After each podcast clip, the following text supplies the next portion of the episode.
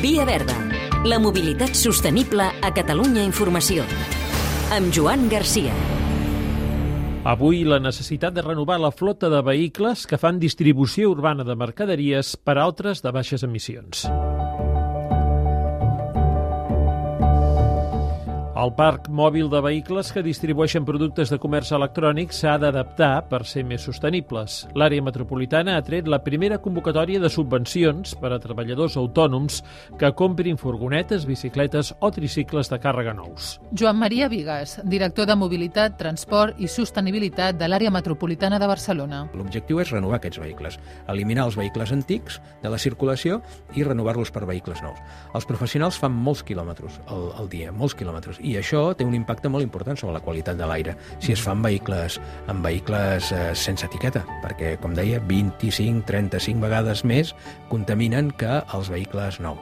Per tant, es tractava d'acompanyar aquesta gent perquè pugui renovar el seu vehicle i donar-los una sèrie d'ajudes. L'import de la subvenció varia en funció de la categoria i el motor del vehicle. Va des del 20% del cost del vehicle nou en el cas de furgonetes fins a la meitat en el cas de bicicletes o tricicles. Es donen 1.000 euros per una furgoneta amb etiqueta C, una furgoneta nova amb etiqueta C, 2.000 euros per una furgoneta d'etiqueta e- Eco, seria més la de tipus híbrid, i 3.500 euros si es compren una furgoneta elèctrica. I en el cas d'una bicicleta o tricicle de càrrega, perquè també eh, hi ha distribució urbana de mercaderies amb, amb, aquests, eh, no, amb aquests mitjans, doncs 1.500 euros per aquesta bicicleta o tricicle de càrrec també elèctric. Per tant, la idea és aquesta, és afavorir que dintre la ciutat hi hagi eh, vehicles de repartiment molt menys contaminants i molt més eficients. Com organitzar el repartiment final de productes a les cases? Un debat obert a noves idees. Taxar doncs, a aquests repartiments no? de, diguem-ne, de, de mercaderies a través del comerç electrònic. També la, la possibilitat de crear eh, punts de ruptura de càrrega, no? eh, és a dir, punts en els quals eh, doncs, aquests eh, camions o, o vehicles més pesants puguin descarregar la mercaderia, organitzar-la i repartir-la en les zones urbanes amb vehicles menys contaminants, eh, de tipus elèctric, fins i tot amb això, amb tricicles de càrrega, amb, amb vehicles més petits, no? eh, de caràcter elèctric, etc.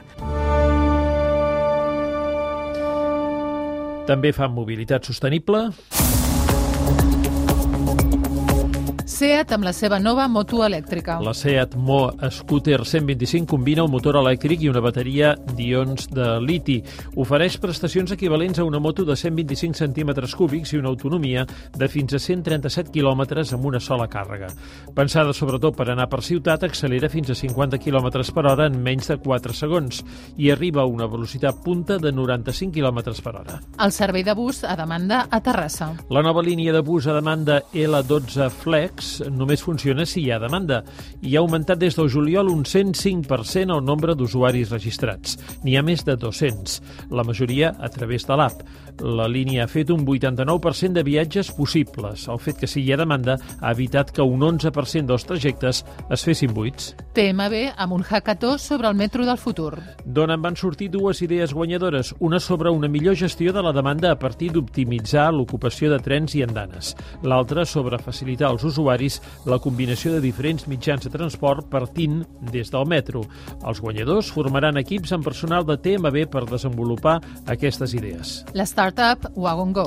Ha fabricat un tricicle elèctric que permet transportar fins a 100 quilos de càrrega per distribuir paquets de comerç electrònic. El conductor no ha de fer un esforç físic gràcies a l'assistència elèctrica d'un prototip de vehicle que millora els temps d'entrega curta a distància i respecte al medi ambient.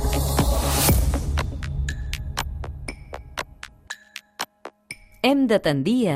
Accelerar l'electrificació dels vehicles i incrementar la xarxa de recàrrega i els incentius fiscals associats a la compra d'un vehicle elèctric.